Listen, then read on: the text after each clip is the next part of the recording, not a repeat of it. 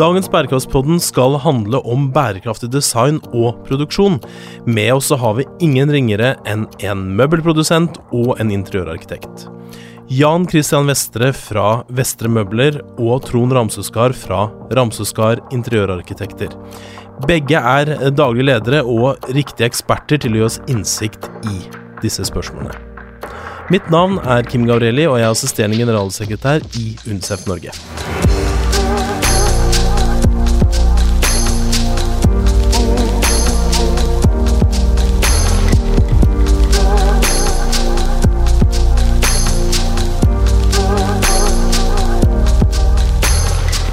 Ja, velkommen til dagens uh, Bærekraftspodden. Og i dag har vi med oss, som dere har hørt, uh, Jan Christian Vestre og Trond Ramsøskar.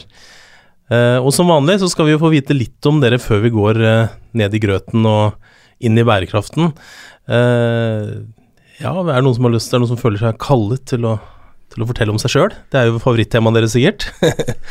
ja. ja, jeg kan begynne, jeg. Ja. Jan Christian Vestre heter jeg er daglig leder i uh, Vestre. Vi er en norsk familieeid møbelprodusent som lager uh, utemøbler, først og fremst for bruk uh, på offentlige steder, byer, parker, torg. jeg har vært daglig leder i Vestre siden 2012 og er utdannet jurist. Så er du veldig opptatt av at du ikke er gründer før vi kom inn i studio her? Ja, vi har du er jo litt det. Nei, vi kan ikke kalle meg det, vet du. Da det var min bestefar som etablerte Vestre første gang i 1947 i Haugesund. Så vi er en, uh, har en lang historie bak oss, for å si det sånn. Jeg er, er tredje generasjon, men jeg har jo fått det ærefulle oppdrag å bringe arven videre, da. Og det er spennende. Nettopp. Vi skal jo få høre litt mer om det etter hvert. Trond, du, du er en ordentlig gründer. Ja, jeg har startet uh, det som i dag heter Ramseskar Interaktekter. Jeg har jo forstått at uh, det å hete navnet sitt i selskapsnavnet byr på litt utfordringer, særlig når jeg har et litt vanskelig navn også. Det høres jo ofte ut som vi er to stykker, men vi er jo snart 25. Men vi er et interactech-kontor som jobber med alt fra innredning av boliger til hoteller, til kjøpesenter, til kontorer. Og vi sier at vi designer fra du står opp til du legger deg, så alt av bolig og der du handler og der du bor og der du reiser, der er vi med. Ja, det blir jo, vi, og så har dere vel gjort litt kjøpesenter og litt Thon-hoteller og sånn òg, er det ikke det? Hvis ikke jeg tar feil? Jo da, vi er mest kjent for disse fargerike eh, Thon-hotellene. Eh, mm. Kjempespennende å være med en oppdragsgiver, byggherre, som tør, og tør å prøve nytt. Eh, veldig spennende. Og så har vi jo, Her har vi da produksjon og utemøbler og mm. innemøbler, hvis du kan si det sånn. Men vi har jo også to politiske partier sånn litt i hvert fall representert her. Eh, eller jeg vet i hvert fall at du, eh, Jan Christian, du har jo bakgrunn også som rådgiver på Stortinget, ikke sant? Ja da, jeg har vært aktiv i Arbeiderpartiet tidligere og vært i sentralstyret i AUF er fortsatt medlem, men nå har jeg ikke vært aktiv eh, på noen år. Nå er det utemøblene som tar all tid. ja, nå er det, ja, nå er det bare utendørspolitikken som Nå er det utemøbler, som, ja. Døgnet rundt. Jeg vet ikke om du eh, vil avsløre hvor du hører til? Jo, jeg er nok på den andre siden. Jeg er på høyresiden, så jeg er medlem av Høyre. Men jeg er ikke noe aktiv eh, medlem. Nettopp. Men det kan jo hende. Det blir jo spennende å se da, hvor mye enighet vi har i studio her når det gjelder bærekraft. Vi får jo tro det er mer eh, eh, ganske stor enighet mellom Høyre og, Arbeiderpartiet på noen ting, i hvert fall. Så kan vi sikkert diskutere hvor aktiv næringspolitikken er eh, i løpet av samme eh, sending, kan vi skal kalle det. Men vi skal i hvert fall snakke om hva eh, bærekraftig design og produksjon er. Mm. Eh, og her har vi jo dere to som noen eksperter, og det er selvfølgelig vidløftige ord. Så jeg vet ikke Ja, hva, er, hva kan vi si at bærekraftig produksjon, skal vi begynne med det, eller design? Dere kan velge, eller begge deler. Produksjon. Ja, jeg kan jo si litt om produksjon, for vi er jo en industribedrift som produserer og bruker energi og materialer og lager ting som skal vare lenge. og Jeg tror det er viktig når vi diskuterer bærekraft at vi gjør det så konkret som mulig og så enkelt som mulig for å få folk med på å ta bærekraftige valg. Så for oss så handler det om helt fundamentale ting som hvilken energi vi bruker når vi produserer produktene våre. Vi stiller krav om 100% fornybar energi i hele leverandørkjeden, og vi har også et mål om at vi innen 2025 skal være selvforsynt med egenprodusert fornybar energi. Så vi investerer ganske stort i solcellepaneler, og når sola skinner nå, så er vi allerede selvforsynt med egenprodusert energi. Så handler det om hvilke materialer eh, vi bruker. Vi er jo en storforbruker av stål, og stål kommer med ganske mye CO2-utslipp. Eh, det står faktisk for 7 av eh, de globale utslippene i verden. Stålindustrien, og da er det viktig å velge de stålleverandørene som har lavest fotavtrykk, og de finner vi heldigvis i Norden. Så vi bruker stål med 30% lavere utslipp enn f.eks. kinesisk stål. Og så mm. handler det om å lage produkter som er ment for å vare lenge, som enkelt kan repareres hvis de går i stykker som kan tas tilbake til fabrikken etter noen år og shines opp, sendes tilbake ut i byen og glede nye generasjoner. En av de store grunnene til at vi har en klimakrise i dag, er jo at vi har en ressurskrise fordi vi har tillatt oss å produsere altfor mye søppel. Og når det går i stykker, så produserer vi mer søppel og mer søppel og mer søppel, og på den måten bruker vi altfor mye ressurser og altfor mye energi. Så en av de mest effektive måtene å få ned utslippene i verden på, er jo ikke bare å å, å, bruke miljøvennlige materialer, men det er jo faktisk også å begynne å lage ting som har lang levetid. Og Da er det noen som sier til meg er ikke det fryktelig vanskelig, og det er det faktisk ikke. Noen av de første utemøblene Vestre leverte, det var til Haugesund kommune. Der er det ganske gjerde derifra, og der blåser det, og der regner det, og det er mye salt i lufta, for å si det forsiktig. Og de møblene de leverte vi på 50-tallet, og de er fortsatt i bruk. Så okay. det å lage ting som varer lenge, selv da etter snart 70 år, det er, er fullt mulig hvis man, uh, hvis man bryr seg om du er interessert i å gjøre noe med det. Så dette er altså vestrevær, det er et, eh, kan bli et begrep? Det er ikke noe problem, for å si det sånt. Det er ikke noe vanskelig å lage produkter som er ment for å, å lage lenge. Men vi må kanskje ta det oppgjør litt med økonomiske modellene i vårt samfunn mm. også, fordi at bruk og kast er jo basert på en mm. veksttankegang, og på at mange private selskaper kanskje synes det er nyttig at produktene deres går i stykker om ikke så altfor mange år, og så får de får de solgt nye produkter, og det er kanskje bra i et kortsiktig profittperspektiv, men for kloden er det jo ikke bra.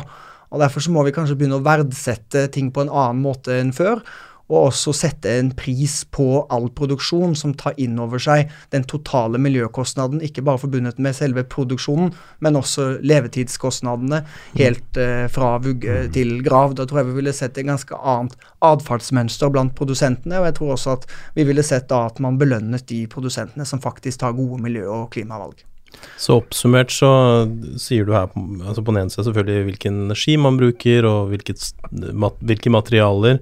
Men også um, at det må gjenbrukes og bruk og kast. Det er en uh, grunnleggende ting i dette. Det er jo ingen, ingen store overraskelse for, for høreren, lytteren her, tenker jeg, men, men sant, det er, uh, er grunnleggende. Skal vi komme tilbake enda mer til hvordan dere gjør det, men uh, hva er noen ting du tenker er naturlig å legge ja, til? Jeg skulle til å si at jeg er helt enig i ja, det du sier. Er absolutt helt enig. Og jeg tenker jo Eh, vår gruppe som interarkitekter har jo ofte blitt beskyldt for kanskje å være den fremste pådriveren for denne bruk av kast-mentaliteten som vi kanskje har hatt.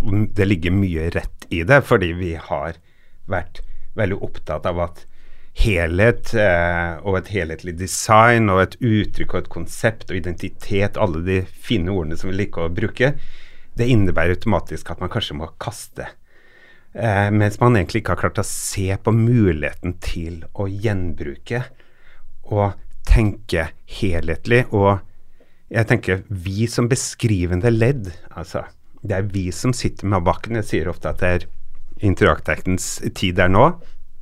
Det er vi som beskriver hvilke produkter våre oppdragsgivere skal bruke. Mm. Det er ikke alltid vi kan styre hva det offentlige til enhver tid bør gå for, for der styres det dessverre altfor mye av pris. Eh, men vi sitter med makten til å legge fram og foreslå produkter, akkurat slike produkter som Vestre i dag representerer. Så den makta er, hvis jeg skal få sagt noe i dag, så er det iallfall det at interaktekten må vite sin besøkelsestid og, og gripe de bærekraftige eh, produktene som finnes på markedet. Jeg er helt enig. Dette her er ikke noe uenighet. ikke noe uenighet til studiet her i dag. Det er en fusjon her nå, tror jeg. Men eh, det stiller jo også krav tidligere i Uh, utviklingen av produktene også før interiørarkitekten, arkitekten og landskapsarkitektene velger dem, at formgiverne og designerne kanskje er mer opptatt av å lage ting som er såkalt mer tidløs. Tidløs mm. er jo et veldig vanskelig begrep, fordi hva betyr nå en gang det? Men det er jo litt sånn i en verden hvor moteindustrien har mye den skulle sagt, og designindustrien veldig ofte handler om hva er nytt, hva er nytt, hvilke nyheter presenterer man hvert år, mm. så driver man jo stadig en utvikling at det som var for ett og to og tre år siden, kanskje blir formmessig utdatert. Så på den måten så må også formgiverne kanskje være mer opptatt Men, av at ting skal være aktuelt over tid. Dette syns jeg er veldig interessant, da, for da er det jo Det fins jo helt sikkert noen tidsløse altså nå, Dette kan jeg ikke så mye om, men jeg har jo lest litt om det. da. Eh, men det finnes jo sikkert noen tidsløse ting, ikke sant, som eh, lite farger, eh, noen liksom, svart og hvitt. Noen ting går igjen nesten uansett hvilken tidsepok man er i. Men vil ikke det bli litt kjedelig, da, hvis vi skulle ha tidsløst Hvis alt skulle være tidsløst? Blir det ikke litt minimalistisk, eller Jeg, jeg vil jo kanskje ikke si tid, tidløs, men jeg tenker at den stolen vi sitter på her, og det bordet vi, vi sitter ved altså, det, Så lenge det er enkelt å demontere og skifte ut deler, så får jo ting et nytt liv. Det kan godt tenkes at vi kan gjenbruke det understellet, vi kan gjenbruke bordplaten. Likevel, så da Det vi gjør da, er at vi får det enkelt å montere, enkelt å demontere, enkelt å gjenbruke deler, istedenfor at man da kaster hele produktet. Så det, det, jeg tror på, er jo at hvis det er lav vekt, få komponenter, lett å rengjøre, rett, lett å demontere, så får vi også et lavt karbonavtrykk, og vi får også produkter som lever mye lengre. Altså det er, mulig å, det er mulig å sminke grisen, eller hva vi skal si. Det er, altså, ikke sant? Hvis du, putter, du går an å legge nye komponenter på en uh, basis, på en måte? Ja, og og gjøre det litt mer tidsriktig, eller? ja, så, ja. Hvis jeg kan få låne sminkegrisen, det uttrykket, Kim, så det, det, skal jeg gjerne bruke framover. Men, men det, var, det, var, festlig. Men uh, vi gjør dette stadig vekk. Vi tar mm. inn igjen i vår produksjon produkter som har stått ute omlakkerer dem. Det kan være samme farge, det kan være en helt ny farge. Bytter kanskje treverket hvis det er slitt ut, og sender det tilbake igjen til markedet. Og dette vil vi gjerne gjøre veldig mye mer av i årene framover. Vester er jo kjent for veldig fargerike produkter. Mm. Ta f.eks. benkene på Aker Brygge som er knæsj oransje. Det kan jo være at noen om noen år finner ut at man ønsker en annen farge. Da kan vi ta de møblene mm. tilbake igjen, demontere dem, gi dem en ny farge. De vil se helt nye ut, og så lever de i 20 år til. Og På den måten så vil jo CO2-avtrykket og ikke mm. minst energiforbruket knyttet til den produksjonen bli ekstremt mye lavere. For jeg kan love deg at det å omlakkere et produkt og fornye et produkt, mm. har vesentlig lavere fotavtrykk enn å skulle produsere noe på nytt. Og Nå skal vi ta dette enda videre i Vestre. Vi lanserer noe som heter Vestre Vision Zero, som er vår visjon om å lage null produkter som ikke kan ha evig levetid. Altså alle produkter som forlater vår fabrikk, skal kunne leve evig. Og det er noen som sier til meg at Jan Christian, du er fryktelig naiv, for det er ingenting i verden som lever evig. Ja, det vet jeg også, men poenget mitt er at ved riktig bruk og vedlikehold, mm. så kan man faktisk lage ting som lever uh, evig. Hvis man passer på at stålet f.eks. aldri ruster gjennom at det tas vare på og uh, utbedres etter mange år, så vil faktisk det stålet kunne leve evig, og da får vi vesentlig lavere energi. Kjente jo at det er litt letta nå, at ikke vi uh, må vente liksom 30 år til neste gang oransje blir inn på, på Aker Brygge? Så du, du, mente at vi kan bytte ut litt ting, det er bra. Eh, og så tenker jeg jo som, altså UNICEF, vårt oppdrag er jo å sørge for at alle barn eh, får eh, overleve og vokse opp. Mm. Eh, og det er også et ganske langt perspektiv, så vi må jo tørre å ha visjoner for et helt menneskeliv, og som deres eh, bedrifter sikkert har utover ett menneskeliv også. Så det, er litt interessant å uh, Nå har vi jo snakka ganske mye om det som handler om gjenbruk og sånne type ting, men jeg, jeg har jo da lest meg litt opp på deg, Trond, og du bruker noen litt sånn fascinerende begreper i denne artikkelen her. Uh, fordi at bærekraft handler jo også om hvordan barn eller mennesker bruker bruker møbler eller, eller interiøret, da. Mm. Og, og, du lanserer altså noe som heter savanneteorien. Jeg er ikke sikkert du lanserer den, men du bruker i hvert fall et begrep som, eh, som er litt artig, da. Uh, og vi er jo litt interessert i hvordan barn kan bruke disse møblene og interiøret som Ja, som dere begge uh, bidrar til. Uh, ja, altså det, den, eh, det, er ikke mitt uh, uttrykk, dette savanneteorien, men det er jo en arkitekt, engelsk arkitekt, Oliver Heath, som uh, introduserte den People, Planet and Profit eh, som rett og slett er utgangspunktet i at det er menneske og menneskelig behov som er utgangspunktet for, eh, for alt design, og at det er gjennom bærekraftige omgivelser så får vi bedre helse, økt trivsel, og dermed også igjen økonomiske resultater. altså vi, De tingene henger sammen. For det er veldig ofte at man snakker om bærekraft, så glemmer man altså profittbegrepet. Fordi hvis ikke det er økono, økonomi det, så ville heller ikke bli gjennomført.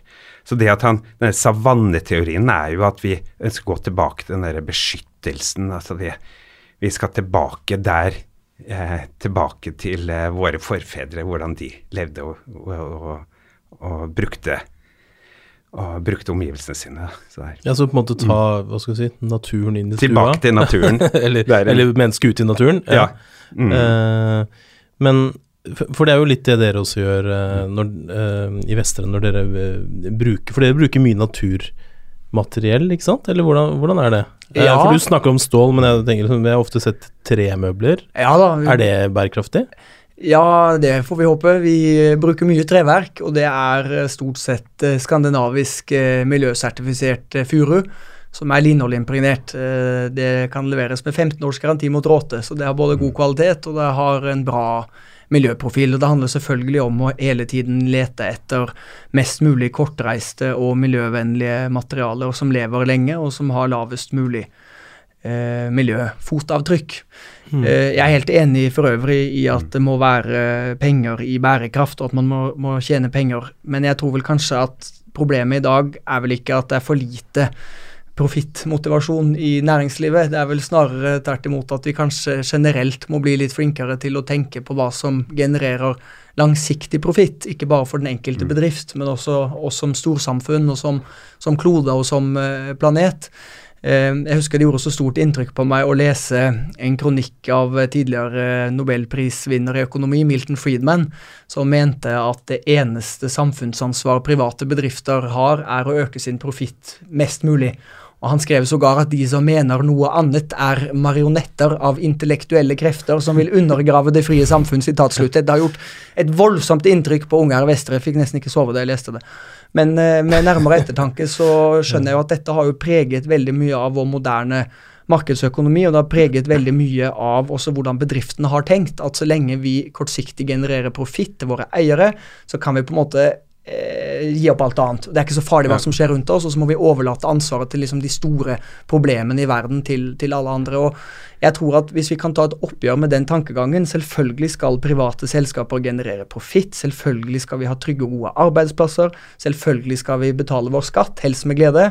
Men det kan ikke være nok. Og den dagen vi forstår det, og også stiller oss spørsmålet hvordan kan vi utover å tjene penger faktisk bidra positivt til en bedre utvikling i verden, da kan summen av det vi sammen får til, bli ekstremt stor. Jeg tror jo at privat næringsliv sitter på veldig mange av løsningene for å oppnå FNs bærekraftsmål om å utrydde fattigdom og bekjempe ulikhet og stanse klimaendringene innen 2030.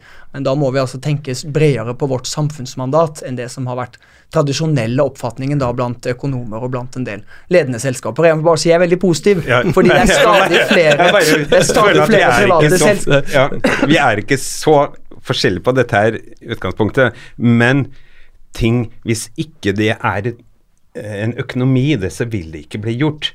Bare for å sagt det sånn, så Hvis vi snakker om økonomi, da snakker vi økonomi på kort sikt eller på lang sikt. Når vi innreder for hoteller, så er én ting er jo innkjøpskostnaden ved de produktene. Men så lenge vi jobber med hoteller, så er jo vedlikeholdet av de produktene må jo også på, Så vi ser jo på en livsløpsøkonomi på dette her. Og hvis ikke den, ut ifra de årene den skal brukes, at det er lønnsomt, så vil det heller ikke bli brukt i produktene. Men hvordan finner dere balansen på det? da? For. Jeg hører jo at du er Mm. veldig opptatt av bærekraft, men Ja. samtidig så er du også veldig opptatt av profitt. Det må du jo være. Ja. Så hvordan klarer men, du det? jeg, vi, vi sliter jo litt. Jeg har jo også vært eh, en av de som eh, jobber hardt for at vi også skal få eh, såkalt eh, eh, lignende materiale. Jeg vil ikke si ekte materiale, men altså plastbaserte Også vinyl på i offentlige rom og sånt. Det å opplever ofte, er det jo at de som er de eh, sterkeste tilhengerne av ekte materiale, ekte tregulv og sånt, ikke ser hvilket eh, Hvis dette blir slitt, det gulvet, og det blir det veldig fort, hvis ikke det materialet egner seg for der det skal være, så blir det ødelagt. Og da må det skiftes ut. Da hjelper det ikke hvor pent det tregulvet er. Så jeg tenker jo at når vi, vi må vite hvor det skal være. Dere lager jo materiale som skal stå ute. Jeg tror ofte mye av den kvaliteten som ligger i det utemøblet, må vi også evne å dra inn. Og se litt på innovative materialer som kan brukes inne, som er sterke nok, som, men også ser bra, og som egner seg for hard bruk. For hvis ikke det egner seg for hard bruk, så vil det bli ødelagt, og da blir det skiftet ut, og det er ikke særlig bærekraftig. Ja, Blir det oppskalering på innemøbler nå? Blir det oppskalering på innemøbler hos dere nå? Nei, vi får se. Ja, jeg, jeg, har allerede spesifisert festere på, inne på kjøpesenter, så vi er i gang. Ja, da kan de stå i 1000 år, minst. Ja, Nei da, det kan jeg ikke love, men, men Jeg skal bare si en lite grann at jeg er oppvokst eh, hvor vi banket tepper, og vi støvsugde sofaer, og vi mm. skrudde på ben når en stol løsnet. I dag kaster folk de tar seg ikke bryet å støvsuge en sofa. De tenker at den ser bra ut, men støv er jo en tendens til å legge seg bak under tekstilen og sliter ned sofaen fra innsiden. Det at vi alle sammen hadde begynt å ta litt sånn mer sånn husmorråd hjemme, starte hjemme, og tørke av og tørke og støvsuge godt og vedlikeholde de produktene vi bruker, vil jo gjøre til en at det lever mye lenger. Mm. Altså Jeg har selv en sofa som jeg kjøpte for 15-20 år siden, og har jo trukket den om to ganger. Jeg kunne helt sikkert fått en billigere sofa ved å kjøpe nytt, men vi har faktisk et ansvar også fordi vi å ta vare på de tingene som ligger nær oss. For hvis vi begynner å ta vare på de tingene som er i vårt eget hjem, vil det også smitte over for det vi bryr oss om på jobben og når vi er ute.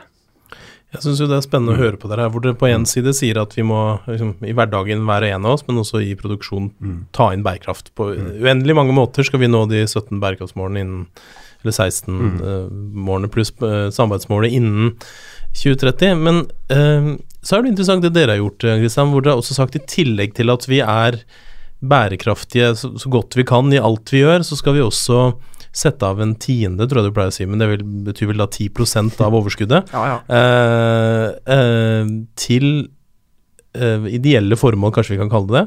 Eh, jeg vet ikke hvilke hva dere, humanitære, ideelle formål, men dere har jo bl.a.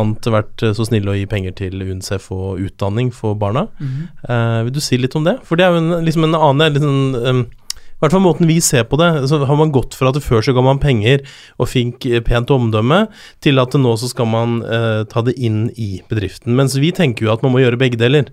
Ikke sant? Man, eh, man må bidra på flere måter samtidig. Uh, og vi snakker gjerne om penger, om at man gjør det i egen bedrift, men også at man uh, kan gi in kind, f.eks. At hvis man har noen tjenester som eh, Røde Kors trenger, eller noen andre, så, uh, så, kan man gi det også. Så det er mange måter å gjøre bærekraft på, og ikke alle klarer å gjøre alle tre uh, måtene, men, men, dere har valgt å gjøre i hvert fall uh, to av dem. vil du ja, si litt? Ja, jeg er helt enig i det du Sånn som du legger det fram, Kim. Eh, for oss så handler det om at vi må gjøre alt det vi kan internt for å øke vårt positive fotavtrykk og redusere vårt negative fotavtrykk. Og Det har jeg gitt noen eksempler på, det er mange andre eksempler også. Men så er det også sånn at vi kan ikke lukke øynene for at hvis verden skal realisere FNs bærekraftsmål, så har vi dårlig tid, det er ambisiøst, og det er mange som skal med. Og det kommer til å koste veldig mye penger. Veldig mye penger. Alle barn skal få utdanning, vi skal sikre grunnleggende alle, vi skal sikre rent vann, vi skal sikre grønn infrastruktur. Dette er en enorm global dugnad som krever mye penger. Og Derfor har vi sagt at når det går bra hos oss, så har vi lyst til å gi en tiende, altså 10% av overskuddet vårt, til forskjellige prosjekter rundt omkring i verden som er med på å bygge opp under bærekraftig eh, utvikling og FNs bærekraftsmål. Og det gjør vi med en litt sånn, eh, hva skal vi si, eh, ikke halvnaiv, men i hvert fall ganske optimistisk tilnærming om at alle kan redde verden litt. Og da er det noen som spør at ja, men Vestre er jo en sånn mellomstor norsk bedrift og i stor internasjonal målestokk eh, knøttliten møbelprodusent. Hvordan kan liksom dere gå rundt og snakke om å redde verden? Og noen har beskyldt meg for å gå rundt og tro jeg er sånn mini-FN og sånn. Det tar jeg, på, tar jeg som en stor Velkommen til FN skal hedersbetegnelse. Det er veldig fint. Og da er jo svaret at ingen kan gjøre alt, men alle kan gjøre noe. Og hvis ja. alle norske selskaper hadde gitt 10% av overskuddet sitt til å finansiere FNs bærekraftsmål, så hadde det norske private næringslivet matcha hele det norske bistandsbudsjettet to ganger. Vi snakker også over 70 milliarder kroner som det private næringslivet i Norge kunne bidratt med hvis vi hadde beholdt 90% av det vi tjener selv, og gitt 10% til FNs bærekraftsmål. Da kunne altså norske bedrifter alene tatt ansvaret for å finansiere opp en rekke av undermålene. F.eks. kunne norske bedrifter alene finansiert opp skolegang til alle verdens barn, i samarbeid med Unicef og andre. Vi tar imot, vi, hvis det Så, les, er mange barn der ute. les Ja. din bibel om tiende eller annen religiøs eller ikke-religiøs tekst. Det spiller ingen trille, men vi må få flere bedrifter til å forstå at det også handler om å være med på det globale spleiselaget der og få til eh, disse målene. Og 10% er bare et lite bidrag, men, eh, men det hjelper. Da er det selvfølgelig sånn at man vil bidra på ulike måter, men eh, for oss, helt uavhengig av hvordan man velger å bidra, da, så er det jo fortsatt sånn at det er 58 millioner barn som fortsatt ikke får begynne på barneskolen. Eh, og det er klart det er fortsatt eh, altså det, det har gått i riktig retning i veldig mange år, så vi har halvert antallet barn som ikke får begynne på skolen. Men nå ser vi at resultatene flater ut, da. Uh, og at det, det ser ut som det kan gå i feil retning gang, uh, igjen, for første gang siden 1990. Så det er klart at vi setter jo veldig stor pris på det samarbeidet der, men så vet vi også at det er ulike måter å bidra på. Det kan jo vi, ja. vi velger litt mer lokalt og Mm. har bidratt eh, med Kirkens Bymisjon til å innrede kafé for de, altså at, at jobbe med konkrete prosjekter i vårt nærområde hvor vi bruker vår kompetanse som interaktekter, og, og også forhandle med leverandører om å gi gode produkter til eh, ideelle organisasjoner. Så vi støtter absolutt Det er veldig bra. Og det er jo det som er viktig når det gjelder bærekraftsmålene, at alt monner, alle kan bidra. Store selskaper, små selskaper, det er mange måter å bidra på. Det viktigste er at man er med. Og jeg pleier å si når noen spør oss hvordan jobber dere med bærekraftsmålene og har dere noen tips, nei, det viktigste er faktisk bruk dem. Finn det eller de målene der din virksomhet kan ha størst mulig positiv impact. Om det er ett mål, om det er ti mål, om det er lokale tiltak, om det er internasjonale tiltak, spiller for så vidt ingen rolle. fordi det viktigste i dag er jo at flest mulig bidrar. Og den største trusselen i dag er jo at folk og bedrifter blir handlingslammede, og så tenker de at ja, men det spiller jo ingen trille fordi vi er så små, og verden er så stor, og det er så mange sprø politiske ledere der ute, og det er terrorister, og det er korrupsjon, og det er liksom alt går feil vei, selv om vi vet jo at det er ikke tilfellet, fordi veldig mye går jo i riktig retning også. Men, men det er jo den største trusselen, at man føler avmakt og gir opp og tenker det spiller ingen trille om vi engasjerer oss og bryr oss. Så flere med på dugnaden, uansett hvilken måte man bidrar på, det er vel det aller viktigste rådet vi kan gi, tror jeg. Og så er det gøy å jobbe med bærekraft. Jeg opplever jo at i vår virksomhet så er jo kollegaene mine og, alle våre flotte medarbeidere er utrolig stolte og glade for det engasjementet vi har. Eh, og alle deler det. Vi er sammen om de målene vi har valgt ut. Vi er sammen om prosjektene vi velger ut. Og det er en, en bredde i det engasjementet som er helt, eh, helt topp. Og hvis de som jobber hos oss kan gå på jobb om morgenen og er litt ekstra stolte fordi de jobber et sted som ikke bare, men også er opptatt av å levere produkter og, og være lønnsomme, men også har et større engasjement, så mener jeg det er jo ingenting som er er bedre enn det. Skal vi være helt ærlige, så er det jo faktisk sånn at de selskapene som tror at bærekraft er noe som går over, de kan jo like så godt legge ned med en gang, fordi det kommer ikke til å være plass til dem i framtiden. De kommer Nei, ikke til å ha kunder, Ja, de kommer ja, ikke ja. til å kunne rekruttere medarbeidere heller, fordi folk i framtiden vil jobbe i, for arbeidsgivere som har større drømmer enn bunnlinja. Det er jeg helt sikker på. Og det er veldig bra for verden, for da kan vi virkelig få til ting. Men jeg tenker litt på de bærekraftsmålene for FN. Altså, eh, du nevnte jo tidligere om det var eh, noen av de målene som bærekraftige målene som vi eh, som selskap er opptatt av. Jeg tenkte jo dette med bærekraftige byer og samfunn. Um, og jeg, vil ta ut til denne brannfakkelen om kjøpesentrenes eh, fremtid, da, for kjøpesenter er alltid en stor diskusjon. Uh, vi har jo vært med å utarbeide videreutviklingen av Lagunen kjøpesenter, som også er utvidet med er det 85 000 Hvor er det lagunen ligger? Uh, rett utenfor Bergen. Nettopp. Det er vel Norges største, er det ikke det? Ja, det er en av Norges størst. største Ja. Men her er det jo altså Ja, Vestland, mye Vestland, helse, det er mye kultur, det er en kinosenter, det bygges flere hundre boliger, og det er mange, mange arbeidsplasser. Du får jo et eh, Man kan si mye negativt om kjøpesenter, men fordelen med kjøpesenter her er at får du både handel, arbeid og bolig på samme sted. Du får lite karbonavtrykk, du får lite eh, reise til og fra arbeid, og du får samlet alt på ett sted. Det samme gjelder jo det vi ser her i Norge på, på Storo, hvor hvor vi har Storo kjøpesenter og, og Tontel Storo og ny kino og flere hundre leiligheter, i tillegg til eksisterende kjøpesenter og eh, Nei, eksisterende restauranter og butikker, så får du et samfunn som eh, lever sitt eget liv. Uh, og selvfølgelig mye mindre biltrafikk enn det var tidligere. Men, men jeg lurer, Trond, for du, for du mm. var jo opptatt av dette med profitt i stad. Og vi mm. hører på en måte hele tida at uh, kjøpesentrene mm. Enten så um, altså det, det, er liksom lus-lus, liksom. For mm. enten så konkurrerer du ut uh, altså Stereotypen, de mm. konkurrerer ut uh, alle bedriftene i sentrum. Mm. Eller så går de konkurs. Så det høres ut som hele Butikk-Norge går konkurs. Og det, det, går jo Altså, det har jo altså, mm. Salget har jo gått ned i mange steder, men hvordan tenker Nå er du selvfølgelig ikke ansvarlig for nei, nei. kjøpesentrene, men hvordan tenker du Nei, jeg tenker jo at selvfølgelig den er under stor endring. Det Enkeltbutikker flytter ut. Det flytter andre ting inn. Alt ifra eh, sykkelutleie til eh, helse, til legesenter, til forskjellige typer eh, kulturaktiviteter. Jeg bare tenkte et spørsmål om tid før folk kan gifte seg på et kjøpesenter. Mange blir sikkert skilt der, men, men det er jo Det går i USA. ja, Den kommer sikkert hit òg. Det forutsetter, skal det bli en suksess, så må du ha boliger og kultur og helse knyttet til de sentrene. Det er da du skaper egne liv rundt dem. Og da er det ikke lenger et kjøpesenter, men du får flere innganger, åpner opp.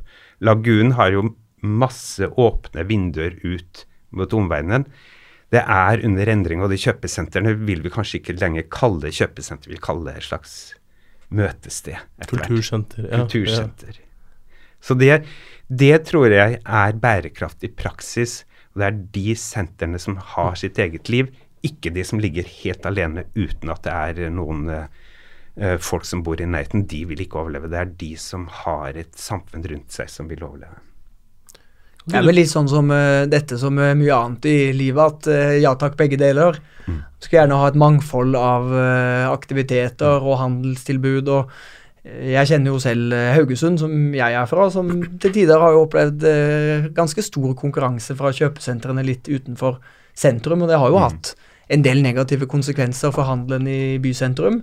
Men nå er det blitt litt mer attraktivt igjen å, mm. handle lokalt, og flere mm. unge ønsker å ha en levende handlegate midt i sentrum. Så en god kombinasjon, tror jeg, av effektive handlemuligheter og effektiv logistikk, men også levende bysentrum. Og det som er så spennende nå med mye av det som skjer i eh, byutvikling, ikke bare her i Oslo, men mange steder, også selvfølgelig internasjonalt, er jo at vi kan bygge byer på helt andre måter enn før. Tidligere måtte jo mye være på bilens premisser av helt mm. naturlige årsaker. Det er viktig å huske på det. Bil tidligere, og for mange fortsatt, det er jo et utelukkende positivt gode mm. som gjør det enkelt å komme seg rundt og få hverdagen til å gå opp.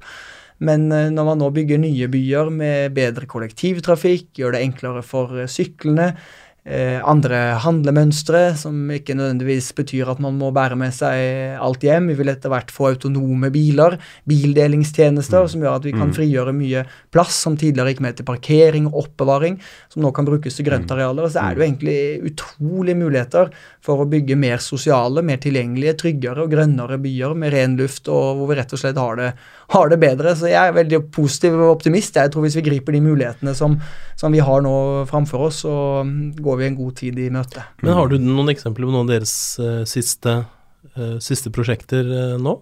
Som dere, som de mest fremtidsretta, for å si det sånn, da? Ja, vi, jeg vil jo si Aker Brygge, selv om ikke det er rykende ferskt, så er det et prosjekt vi er stolt av, fordi Aker Brygge var tidligere et område som uh, vel å merke var åpent for allmennheten, men uh, det tiltrakk seg jo en viss type mennesker, er det vel lov å si, forhåpentligvis litt diplomatisk. Relativt dyre butikker, dyre mm. restauranter.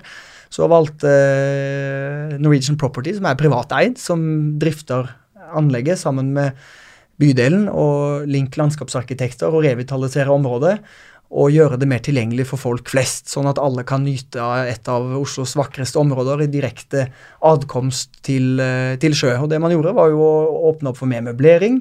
Man eh, reduserte eh, bredden på vei, sånn at varelevering fortsatt er mulig, men det må nå skje på enkelte tidspunkt i døgnet. Eh, fotgjengerfeltene har blitt mye større, og man har også tatt et grep som jeg syns er veldig kult, og det er at man har eh, tatt inn eh, ikke bare benker, men også bord. Og det betyr at uansett om det er en barnehage, eller om det er en familie, eller om det er et ungt forelsket par, eller om det er eldre, uansett hvem det er Eldre og forelsket par. Ja, ja, det går også an. Alt går an. Så kan man faktisk ta med seg mat eh, hjemmefra, mm. sette seg ned på et av benkene mm. og bordene og, og nyte medbrakt uten å måtte kjøpe dyr restaurantmat. Det syns jeg er et spennende eksempel på mm på byutvikling. Det er mange andre eksempler også. Vi er selvfølgelig stolte over å ha fått møblert Times Square i New York. Det gjorde vi sammen med Snøhetta. Det er også et utrolig prosjekt. I bilbyen New York valgte man faktisk å være så tøffe at man stengte av deler av Broadway fra, for privat biltrafikk. Reduserte privatbilismen fra jeg tror det var over 80% til under 40% Åpnet opp for fotgjenger- og grøntarealer og gjort området mye mer tilgjengelig for folk flest. Og der er det alle mulige slags aktiviteter. Eh, på morgenen kan det være yoga for 800-900 forbipasserende. Midt på dagen er det lunsj. Eh, på ettermiddagen er det kanskje en fredsdemonstrasjon. Og så er det en utekino på, flott, nei, på ettermiddagen. Et flott prosjekt jeg har sett det i praksis. Nei, ikke sant. Det er veldig gøy. Så mm. liksom Gi byen tilbake mm. til eh, innbyggerne. Gjør det grønt, gjør det tilgjengelig, gjør det sosialt, gjør det trygt, hyggelig å være der. Og ikke minst bygge byrom som kan brukes på et mangfold av ulike ulike måter, det tror jeg er eh, fremtiden. Og så er du inne på noe som vi egentlig starta litt med her også, mm. og det er det samarbeidet mellom ulike norske aktører. Eh, og det som vi hele tida i UNICEF i hvert fall eh, løfter opp eh, Vi har f.eks. et samarbeid med, med, oljefondet, hvor vi har samla 10-15 internasjonale tekstilprodusenter eh, eh, pro, Unnskyld, tekstilmerker og produsenter, for da å diskutere hva, hva kan de gjøre annerledes for å ja, for at barna skal få det bedre, om det er fordi at mødrene har uh, fødselspermisjon, uh, at de kan komme hjem tidligere fra jobb, eller hva det måtte være som påvirker barna deres direkte, så har vi samla på en måte bransjen. Og, det gjør man i Norge også av og til, men hvordan syns dere det er nok bransjesamarbeid i Norge? Altså Du har snakka om en eksportdugnad, Jan Christian. Hvordan Er det ikke mulig å gjøre mer av dette? For det er klart, én enkelt aktør alene, det, det, er bra, det, men det er mye mer man kan gjøre hvis man følger bærekraftsmål nummer 17, eh, partnerskap. Mm. Så hva tenker dere om det? Eh, hva kan vi gjøre mer av? Nei, jeg syns jo altså det burde jo være mye mer samarbeid i bransjen enn det er. Eh, vi, vi, skulle ønske bare at vi kunne samarbeide mer innad i vår egen bransje. fordi at mm at vi introarkitekter og arkitekter Vi har jo bare, bare for introarkitekter, arkitekter og landskapsarkitekter, og samarbeid er jo en utfordring i seg selv. Så la oss starte det. Men hvis vi kunne iallfall vi som introarkitekter jobbe tettere sammen med produsentene, eh, nettopp for å se på hvordan hvordan ser, for, ser, vi for oss møbler for kjøpesenter? Bare kaste ut en sånn ball her nå. Eh, på hvordan kunne vi utarbeides møbler som ivaretar de korte opplevelsene, korte sitteplassene du skal ha på et kjøpesenter. Sånn. Det å kjøre noen workshop sammen med produsenter og interaktekter og designere Vi har jo kontakten direkte med sluttbruker. Det er jo sluttbrukerkompetansen vi alltid skryter av. Og det med rette, og det, er, det vet jo selvfølgelig Vestre. Selvfølgelig, Ellers har de ikke hatt den, de produktene de har. Men jeg tenker når vi skal utvikle nye produkter, så vil jeg gjerne at produsenter og interaktekter, vi som spesifiserer de produktene, kunne kjørt noen workshop og jobbet sammen for å sitte på Ja, kunne Norge bli ledende på å kjøpe kjøpesentermøbler? Hæ? Det hadde jo vært ja, altså, ikke eh, nok i marked. Så... Dette var ett, men ja, ja. Utfordring tatt, uh, Trond. Tusen takk. Det stiller vi selvfølgelig gjerne på. Nei, det, det, dette ble jo kastet ut. Men jeg tror at uh, vi kunne ha kjørt prosesser på hva Jeg tror at veldig mange i vår bransje ikke er god nok kunnskap om hva som er bærekraftige møbler. Altså, mm, interessant. Så det, jeg vil også si at det mangler kunnskap på hvordan skal møbler settes sammen, hvordan kan vi gjenbruke noe? Fordi det blir veldig fort Når man får en, en kunde, har første kundemøte, så er det helt tilfeldig hva som blir eh, tatt med videre, og hva som blir, blir kastet. Og Isteden kanskje så det finnes jo noe i midt imellom her. Um, men jeg tenker at vi, vår kunnskapen i vår bransje trenger vi ha Vi, vi trenger få litt mer kunnskap fra produsentene. Eh, den tror jeg nok må, initiativet må komme fra, fra oss selv, men jeg tror bare at hvordan kan vi få en bedre samarbeid der? Det hadde nok eh, styrket hele møbel- og interiørbransjen. Ja, godt sagt. Jeg er helt enig, så utfordringen er tatt, og vi stiller gjerne på en sånn uh, workshop og informasjonsdeling. Og så tror jeg det er viktig også å få fram at uh, både norske, ja, norske fagfolk generelt, da, men i dette tilfellet da norske interiørarkitekter, arkitekter, formgivere, landskapsarkitekter, også vi som produsenter, må våge å tenke litt stort. og uh, ta litt plass, også internasjonalt, fordi vi har en ganske unik tradisjon, vi har en ganske unik kompetanse. Vi er vant til å ta miljøvennlige valg i mye større grad enn mange andre steder i verden. Vi har eh, produsenter som er verdensledende på miljø. Vi glemmer bare å fortelle verden om hvor gode produktene våre er. Så det er også viktig at vi har selvtillit når vi skal ut og konkurrere, og at vi tar med oss ut i verden også vårt verdisyn og måten å gjøre ting på. Og Dette går jo også litt tilbake til hva Norge skal leve av i, i framtiden. Vi vet at olje- og gassinntektene før eller siden kommer til å ta slutt. Noen mener det bør skje snart. Jeg tror vel kanskje det kommer til å ta litt lengre tid, men uansett hva vi mener om det spørsmålet, så er det jo et uunngåelig faktum at vi trenger flere bein å stå på. Og da eh, tror jeg at ferdigvareindustrien, som vi er en representant for, altså møbelprodusentene, faktisk er en vekstnæring for Norge. Fordi vi har noen ganske unike forutsetninger for å lage ting i Skandinavia, i Norge, som verden trenger. Vi vet jo f.eks. at norsk design, norsk formgivning, norsk arkitektur er superhot internasjonalt. Det tror jeg vi begge kan bekrefte. Det opplever vi egentlig overalt. Så ser verden til norsk formgivning. Og det handler ikke bare om at det er minimalistisk og respekt for materialer og tilgjengelig for alle, og det er kult og nordic og fresht og sånt, men det handler også om at norsk design er et uttrykk for samfunnsmodellen vår, som stadig flere får opp øynene for, med høy grad av likestilling, tillit mellom mennesker, relativt små forskjeller i samfunnet, en, en kall det gjerne en sosialdemokratisk velferdsstat, da, der folk har eh, ja, like muligheter.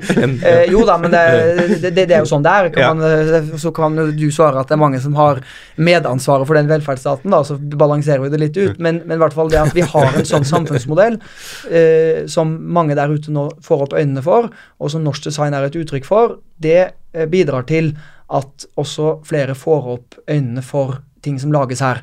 Så har vi muligheten til å produsere ting med 100% fornybar energi, fordi vi er utrolig heldige med vannkraften vår. Tenk på at i Europa så er fornybarandelen under 50% I Kina, selv om de nå bygger massivt ut fornybar energi, så er under 20% av energien derfra fornybar. Og Det betyr at jo mer man produserer i et land med høy andel fornybar energi, jo lavere klimagassutslipp er forbundet med den produksjonen. Så har vi tilgang i Norge til de mest miljøvennlige materialene. Hydro produserer verdens grønneste aluminium. Det er 11 milliarder trær i dette landet, og så er det noen som synes at Norge gror igjen. Ja, det er bare å hogge mer og bruke mer til møbelproduksjon og andre ting. Og Så er det vel noen som mener vi hogger litt for mye Nei, trær òg? Nei, ikke for mye. Vi skulle ha hogget mer. Ekebergparken. Nei, det er, det er veldig miljøvennlig å hogge trær. Ja, vi planter nye trær når vi feller dem, og uh, norsk skogbruk er ifølge FN verdens mest bærekraftige. Det er bra miljøalternativ å bruke tre framfor andre ting. Og så har vi, i tillegg til disse tingene jeg sier, også øh, Vi er i verdenstoppen på å ta i bruk ny teknologi. Og det gjør at selv med relativt høy kostnadsnivå her oppe, så kan vi konkurrere internasjonalt fordi vi kan robotisere mer, vi kan automatisere mm. mer. Eh, og da blir ikke lenger eh, de høye timekostnadene så viktig. Så poenget mitt er at verden vil ha norsk design. Vi kan produsere med grønn energi, grønne råvarer. Vi har en samfunnsmodell som er attraktiv, som gjør oss omstillingsdyktige og kreative. Og det betyr at egentlig alt som har tilknytning til de kreative næringene og til produksjon, bl.a. av ferdigvarer, som vi gjør, mm. burde hatt mye større potensial for å vokse. og Derfor så har Vestre tatt ordet for, som du sa, Kim, en eksportdugnad med mål om å doble norsk fastlandseksport de neste ti årene. Det trenger norsk økonomi økonomi, det trenger omstillingen. Og der kan uh, de næringene som Trond og jeg representerer, mm. faktisk være en, en, viktig bidragsyter. Jeg sier ikke at vi kan ta Norge gjennom omstillingen alene, men det er ikke én ny næring vi leter etter uh, heller. Det er et mangfold av lønnsomme grønne fastlandsnæringer som sammen skal gjøre dette. og da, da må vi begynne, og så må vi våge å tenke stort nok. Ja, jeg kan bare si meg helt enig. Mange har sagt at fiskeoljen er den nye oljen. Det er det ikke, men det er den kreative bransjen som er en av de nye oljene. En av de nye oljene. Ja. Og for det, den kreative bransjen, altså, den kan jo heller ikke robotiseres eh, ennå. Så det er jo det å jobbe med kreative prosesser, det er jo når det kreative jobber med bærekraft som mål, det er da vi får de gode løsningene. Så der tror jeg nok vi begge er samkjørte.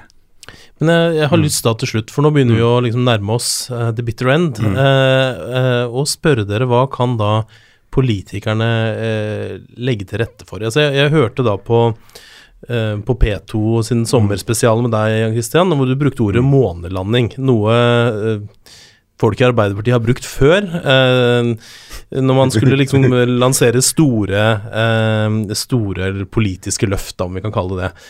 Så jeg så du, ville, liksom, du snakker vel om en månelanding, eller kanskje ikke du brukte de ordene, men det var i hvert fall det som satt igjen hos meg. Ja. ja. jeg viste til månelandingen, og jeg viste ja. til det norske oljeeventyret. Som ja, for det var jubileum deler, for uh, måne... Ja, det var sånn det var. Ja, nettopp. som ja. begge deler er resultat av politikere som tør å ha store visjoner, som utviser handlekraft eh, som setter både kapital og politisk kapital bak visjonene sine, og som evner å gjennomføre det. Kennedy sa på begynnelsen av 60-tallet vi skal til månen innen tiåret er ferdig, og noen måneder før tiåret var ferdig, det fikk dessverre ikke han oppleve selv, så var amerikanerne på månen. Ingen trodde det var mulig, men de fikk det til. Alle amerikanere følte de hadde bidratt til det. Og Jeg mener norsk politikk mangler, mangler, litt av den uh, visjonskraften som handler om de store mm. spørsmålene. Hva skal vi leve av i framtida? Hvordan skal vi bygge et konkurransekraftig, grønt, omstillingsdyktig samfunn? Hvordan skal vi bli et klimanøytralt samfunn? Men, da må vi våge å ta noen store grep. Og et av de grepene jeg viste til, er jo f.eks. innenfor flytende havvind. Nå diskuterer vi og krangler som busta fyker om vi skal bygge vindkraft til lands. Stor motstand mot vindmøller fordi at det er naturinngrep, og det går utover fugleliv og støy og masse andre ting. Så kan man være for eller mot det, men jeg syns det er et paradoks at vi bruker veldig mye tid på å diskutere det istedenfor å se at vi har uendelig store muligheter til å flytte disse vindmøllene til havs. Der er det norsk teknologi vi kan bruke, det er norsk leverandørindustri. Vi har så stor kystlinje at jeg tror ikke folk er klar over det engang. Beregninger viser at hvis vi vil, så kunne Norge alene levert fornybar energi energi til hele Europa bare ved å ta i bruk litt av sokkelen vår til flytende havvindmøller. Så vet vi at den teknologien finnes. Eh, møllene produserer energi selv i orkan, men teknologien er foreløpig ganske dyr. Og det er fordi all ny teknologi er dyr i starten. Sånn var det med, flyten, sånn var det med vindmøllene til lands, og sånn var det med elbilene. Og Derfor bruker staten milliarder av kroner i året på å subsidiere elbilindustrien for å få opp rekkevidden og ned prisene. Jeg syns bare det er et paradoks at vi bruker så mange milliarder kroner som vi kaster etter amerikansk og japansk elbilindustri. Det er ikke rart at El Musk er norgesvenn, det hadde jeg vært også, hadde jeg vært han. Men vi burde hatt vilje til å bruke like mye av fellesskapets midler på å få i gang de næringene som skal ta oss gjennom omstillingen, og som skaper arbeidsplasser og klimakutt hjemme. Og hadde staten, for dette har jeg regna på, gått inn med like mye penger på å bygge opp havvindnæringen som vi bruker på ett år på å subsidiere elbilnæringen, så kunne en privat aktør, det kan være Equinor, det kan være Aker, det kan være hvem som helst, her må det selvfølgelig være fri konkurranse, bygget verdens største havvindanlegg utenfor norskekysten, og de kunne solgt kraften de møllene produserer, inn på det europeiske kraftnettet til markedsmessige vilkår. Mer er det altså ikke som skal til, men i Norge sitter vi og klør oss her og der og lurer på om vi skal gjøre dette. Litt, og så opplever vi at jeg vil, Kan vi bringe det litt ned på Ja, vi jeg vil okay. litt om deres bransje. Dette er veldig konkret. Ja, ja, ja, jeg kan jeg bare, før vi går videre, kan jeg bare si Dette er perfekt for podkasten. Mm. Nå har vi de store visjonene, mm. og så er jeg, synes jeg kjempebra. Uh, og så vil jeg gjerne høre også litt om deres bransje. Altså Jeg skjønner jo da at uh, hvis vi får bedre energi, så er det bra for produksjon, skjønner du? Mm. Men er, hvis vi skal ha rammebetingelser for deres bransje for å kunne vokse, uh, og det er deres bransjer da kanskje, for det er jo litt ulikt her hva dere trenger, men uh, kan dere peke på noen ting politikerne kan gjøre for å øke profitten hos dere, da, og, og bærekraften? Ja, jeg, jeg vil jo bare ta tak i at skal vi nå bærekraftsmålene, så må det være enten noe Eh, via oss som det spesifiserende ledd. Er vi som spesifiserer hva det er vi kan bruke vårt personlige engasjement og, og foreslå produkter som vi mener ha, når de målene. Det kan enten være markedsstyrt, altså eh, eh, forbrukere og innkjøpere som er klare tanker på hva de ønsker. Men det først og fremst er jo at nummer tre det er jo at det må være myndighetsdrevet. Altså at det må være gjennom lover og regler som hvor offentlige anbud ikke utelukkende går etter pris, men begynner å mm. se på ting bakenfor. Hvordan er dette produsert? Hvordan når dette her de målene som istedenfor at det utelukkende går på pris? Så sterk regulering av offentlig anbud. Ja, og da istedenfor at det utelukkende går på innkjøpsprisen, så må man begynne å se på produktene i et lengre perspektiv. Et livs, som at vi sier at dette her, stolen her skal vare i ti år, og da hjelper det ikke hvor billig den er. Vi må se hva er Sånn årskostnaden. samfunnsøkonomiske kostnaden, på en måte, som vi snakker Helt om når det gjelder ja. veier og sånt. Så er det liksom Det er litt av den Eh, samme ja. tanken ved at vi må begynne å se på hvordan dette skal vedlikeholdes også. For kjøper man billig, så går det fort i stykker, og da må man kjøpe på nytt igjen. Og så får man da etter to-tre år masse problemer med det, det første produktet som ikke lenger, selvfølgelig ikke lenger er i produksjon, og så må man skifte ut mange flere møbler. Så det viktigste er starte med offentlig anbud, få fokus vekk ifra pris mer på en livsløpsstandard på det. Livsløps... Hva heter det? Livsløps... m- hva heter det? Livsløp? Livsløpsøkonomi. Helt riktig, takk. Det er jo- det som betyr noe. Stemmer. Takk. Både Hvis for du skulle peke- skattebetalerne og for miljøet. Hvis du skulle peke på en ting som er, eh, ja, som er mer eh, kortsiktig, da, hvis du kan si det sånn i tillegg til eh, Ja, en helt konkret eh, aktivitet som møbelindustrien gjerne ønsker seg for å få større fotfeste internasjonalt, øke eksportinntektene til Norge og skape flere arbeidsplasser i industrien vår, det er en eksportutviklingsordning tilsvarende den som svenskene og danskene har, der eh, staten er med, riktignok med et lite beløp, men er med på å promotere norsk design internasjonalt på internasjonale arenaer, eh, reduserer risikoen og senker terskelen for eh, norske kvalitetsbedrifter som vil ut i verden. Det vil bidra til å få flere vekstkraftige er det på en måte tilsvarende som en slags garanti uh, uh, Altså GIEK, garantien uh, Ja, det finnes flere virkemidler, men de passer ikke så godt til møbelprodusentene. Fordi det er ofte tilpasset eh, store aktører som har enkeltvis eh, kontrakter i million- eller kanskje opp i milliardklassen, som trenger garantier eller risikolån osv. Det vi snakker om, er en eh, ordning for å bidra til å dekke noen av de kostnadene eksportbedriftene har når de profilerer ja, seg. forstår, Det er ikke risikoen, men det er, det er kostnaden i større Få ned kostnaden og på den måten redusere risiko. Danske Ja. konkurrenter av oss f.eks. får jo dekket opptil 50% av sine eksportfremstøt på internasjonale messer, på internasjonale arenaer, av, eh, av danske myndigheter, for på den måten få flere vekstkraftige bedrifter. Og dette er noe bransjen har bedt Næringsdepartementet om lenge. Eh, Noen har ment at det er ikke mulig å få til fordi det strider mot EØS-reglene, men eh, fullverdige EU-medlemmene Sverige og Danmark får det vel til, så da tror jeg Norge kan få det til eh, også. Det hadde i hvert fall vært et veldig kjærkomment bidrag for vår bransje for å oppnå bedre resultater internasjonalt. Utover det så tror jeg vi har det veldig godt i Norge. Det er gode rammevilkår i Norge. Jeg har pleid å si at jeg kommer ikke på noen bedre land faktisk enn de skandinaviske landene å drive næringsvirksomhet i. Vi har tilgang på høyt utdanna arbeidskraft, det er god infrastruktur, det er ordning og rede. Så de som driver bedrifter i Norge skal være veldig takknemlige og veldig glade, tror jeg. Det er konkurransedyktig og bra her, men så kan det alltid bli litt bedre. Og med de to utfordringene og de pene ordene om Norge eh, her helt til slutt, så er det slutt på dagens eh, Bærekraftspodden. Mitt navn er Kim Gabrielli, jeg er assisterende generalsekretær i UNCEF Norge, og jeg takker våre gjester fra Vestre og Ramsøskar interiørarkitekter for at dere kom. Hvis du vil høre mer om eh, bærekraft, så kan du gå inn på uncef.no slash bærekraft med æ. Med det så sier vi takk for i dag.